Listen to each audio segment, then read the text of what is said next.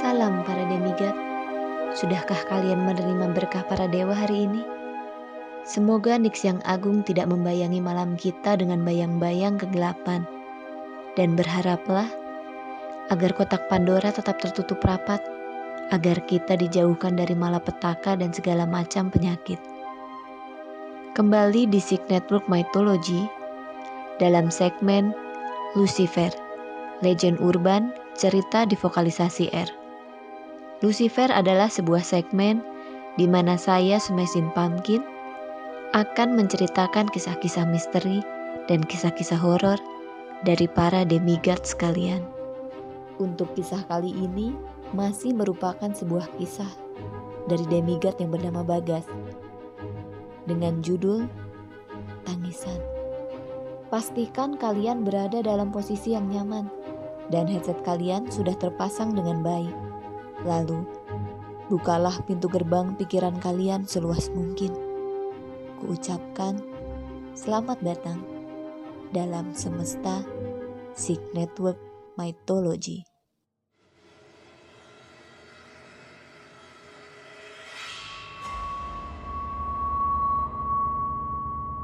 Apakah kalian semua masih ingat dengan kisahku? Kisah saat aku menemani kakak di rumah sakit. Ternyata hal-hal aneh yang kualami tidak berakhir di situ. Kisahku kali ini adalah pengalaman yang kualami tepat setelah kakak pulang dari rumah sakit. Hari itu, setelah satu minggu menjalani perawatan, akhirnya kakak diizinkan untuk pulang. Keadaannya sudah mulai membaik walaupun sebetulnya kondisi badannya masih sangat lemas dan belum bisa beraktivitas seperti biasanya. Ketika ayah menjemput kami di rumah sakit, hari sudah mulai sore. Setelah semua urusan administrasi beres, kami segera pulang ke rumah agar kakak bisa segera beristirahat. Ketika tiba di rumah, aku menyadari ayahku membawa sebuah bungkusan dan aku pun bertanya pada ayah apa isi bungkusan itu. Sambil menunjukkan isi bungkusan itu kepadaku, ayah menjelaskan bahwa yang dibawanya adalah bunga kamboja. Beliau berencana untuk menanamnya di halaman belakang rumah. Katanya, ketika nanti sudah tumbuh, akan menjadi pohon dengan bunga-bunga yang sangat bagus dan indah.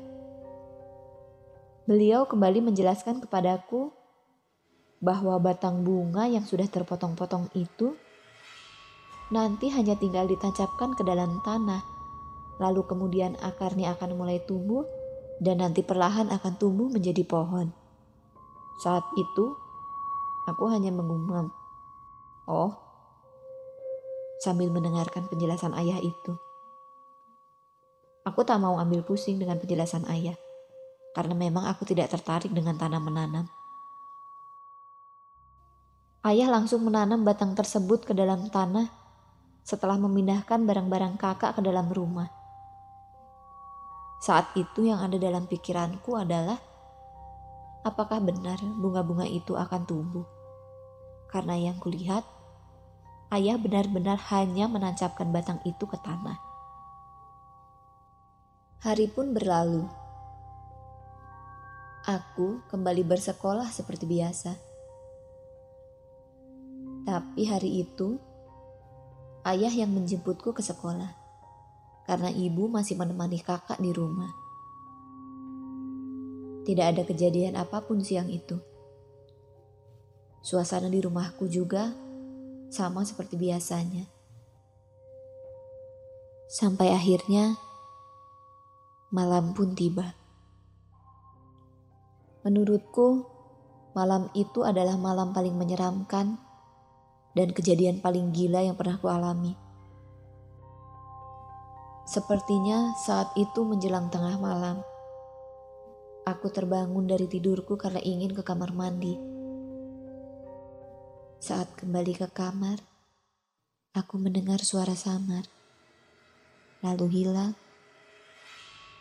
lalu terdengar kembali. Saat aku tiba di kamar, suara itu kembali terdengar. Apakah kalian mendengarnya?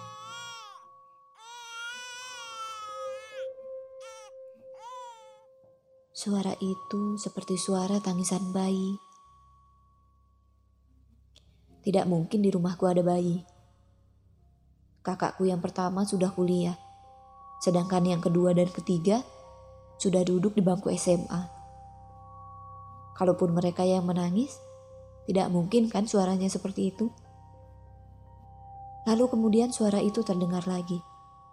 Kali ini lebih keras dan lebih jelas. Suara siapa itu?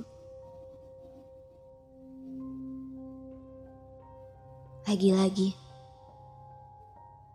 Terdengar lagi. Kalau dipikir lagi, entah apa yang ada di pikiranku saat itu. Bukannya merasa takut, aku malah mencari arah suara itu. Suaranya terdengar dari arah luar. Memangnya ada tetanggaku yang punya bayi. Aku membuka jendela kamarku yang mengarah langsung ke lapangan di depan rumah untuk mencari sumber suaranya. Pemandangan yang kulihat saat itu cukup aneh.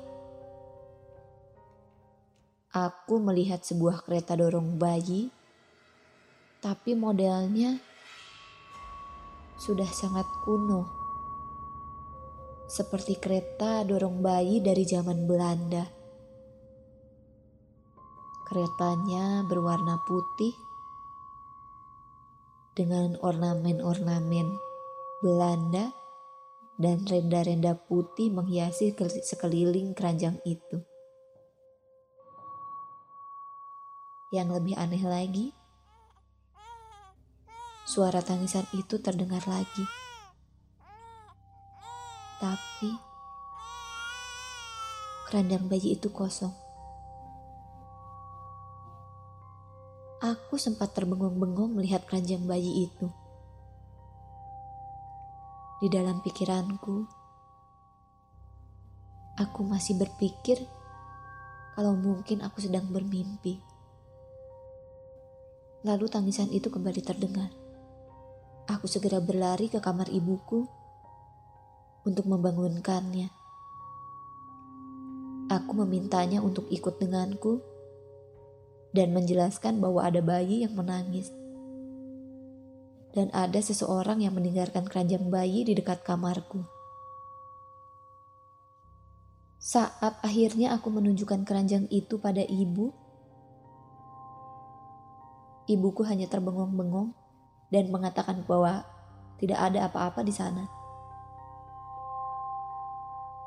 Aku hanya memandang ibuku dengan bingung. Jelas-jelas keranjangnya ada di sana. Tepat di depan jendelaku. Bagaimana mungkin ibuku tidak melihatnya? Dan ibuku juga tidak mendengar suara tangisan bayi itu. Padahal suara tangisan itu masih samar-samar terdengar. Apa cuma aku yang mendengarnya?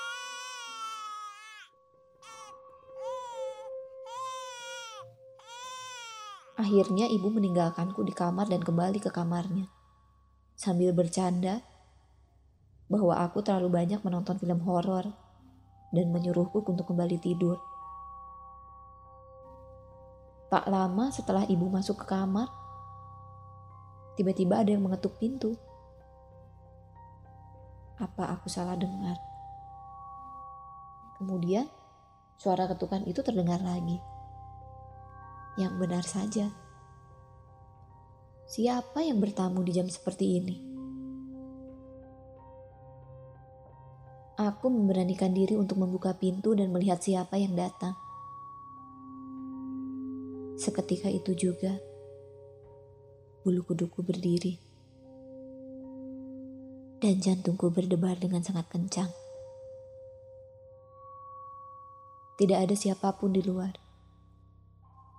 Tidak ada apa pun di luar sana.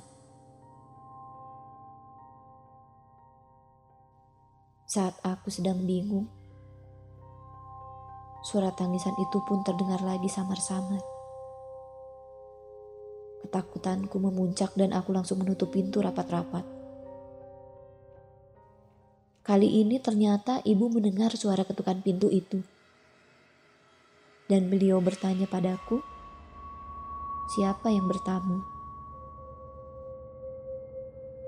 Dengan ekspresi hampir menangis, Kukatakan bahwa tidak ada siapa pun di luar sana.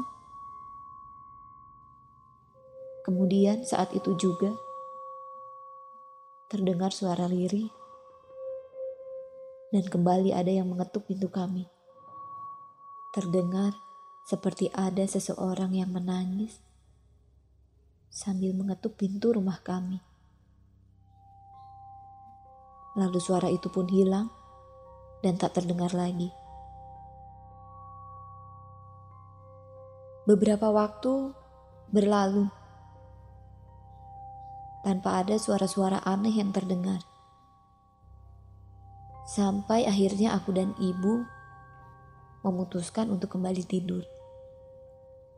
Walaupun sebenarnya kami masih merasa ketakutan. Kuperhatikan saat itu sudah pukul dua lebih. Pantas saja aku merasa sangat lelah dan mengantuk. Tapi kemudian suara tangisan bayi itu terdengar lagi. Kali ini sangat jelas dan terdengar cukup keras. Dan kali ini bukan cuma aku saja yang mendengarnya. Kakak perempuanku berlari keluar dari kamarnya langsung menuju kamar ibu dan memberitahu ibu kalau ada yang menangis di halaman belakang. Akhirnya, ibu membangunkan ayah untuk bersama-sama mengecek ke halaman belakang. Karena aku dan kakak perempuanku sama-sama ketakutan, kami tidak mau ikut ke belakang. Akhirnya kami menunggu di kamar ayah dan ibu. Halaman belakang kami tertata seperti taman kecil. Ditumbuhi berbagai macam tanaman dan ada sebuah tempat untuk menjemur pakaian. Ibu membuka pintu yang mengarah ke halaman belakang dan mendapati tidak ada siapa pun di belakang. Suara tangisan itu pun menghilang saat ibu membuka pintu. Kemudian ayah bergumam. Ada apa ini? Kenapa tidak selesai-selesai? Tepat pada saat itu, tangisan itu pun terdengar lagi. Jelas dan sangat keras. Kali ini, ayah dan ibuku benar-benar mendengar tangisan itu. Akhirnya, ayah dan ibu memutuskan untuk tidak tidur dan menunggu sampai pagi. Menjelang subuh, tangisan itu pun berhenti dengan sendirinya.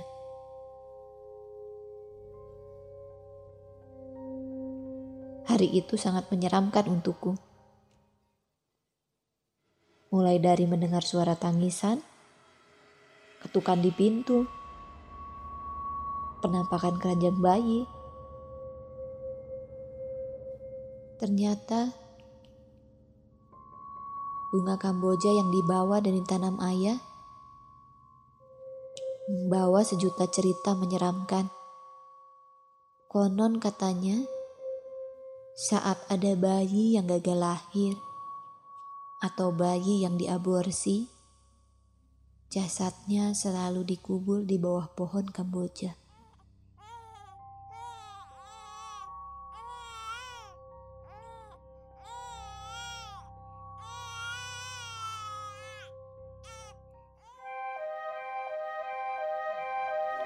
Jangan lupa untuk mendengarkan episode Sig Network Mythology setiap hari Jumat di aplikasi Noise, rumah konten audio Indonesia. Dan apabila kalian memiliki ide cerita untuk episode podcast Sig Network Mythology di segmen Lucifer, kirim saja melalui email sig.aegis@gmail.com dengan subjek ide untuk podcast mitologi.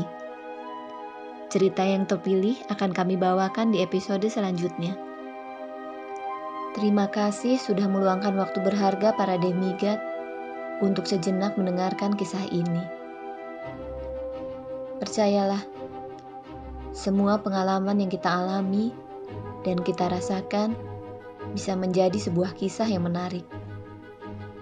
Dan jangan pernah lupakan setiap kisah yang kita alami setiap harinya karena kisah-kisah itu akan menjadi pengalaman berharga dalam hidupmu. Semoga kita semua selalu diberi kesehatan, perlindungan, dan keselamatan dari Tuhan Yang Maha Esa. Sampai jumpa di semesta Sig Network Mythology selanjutnya. Smashing Pumpkin undur diri. Keep learning and stay educated.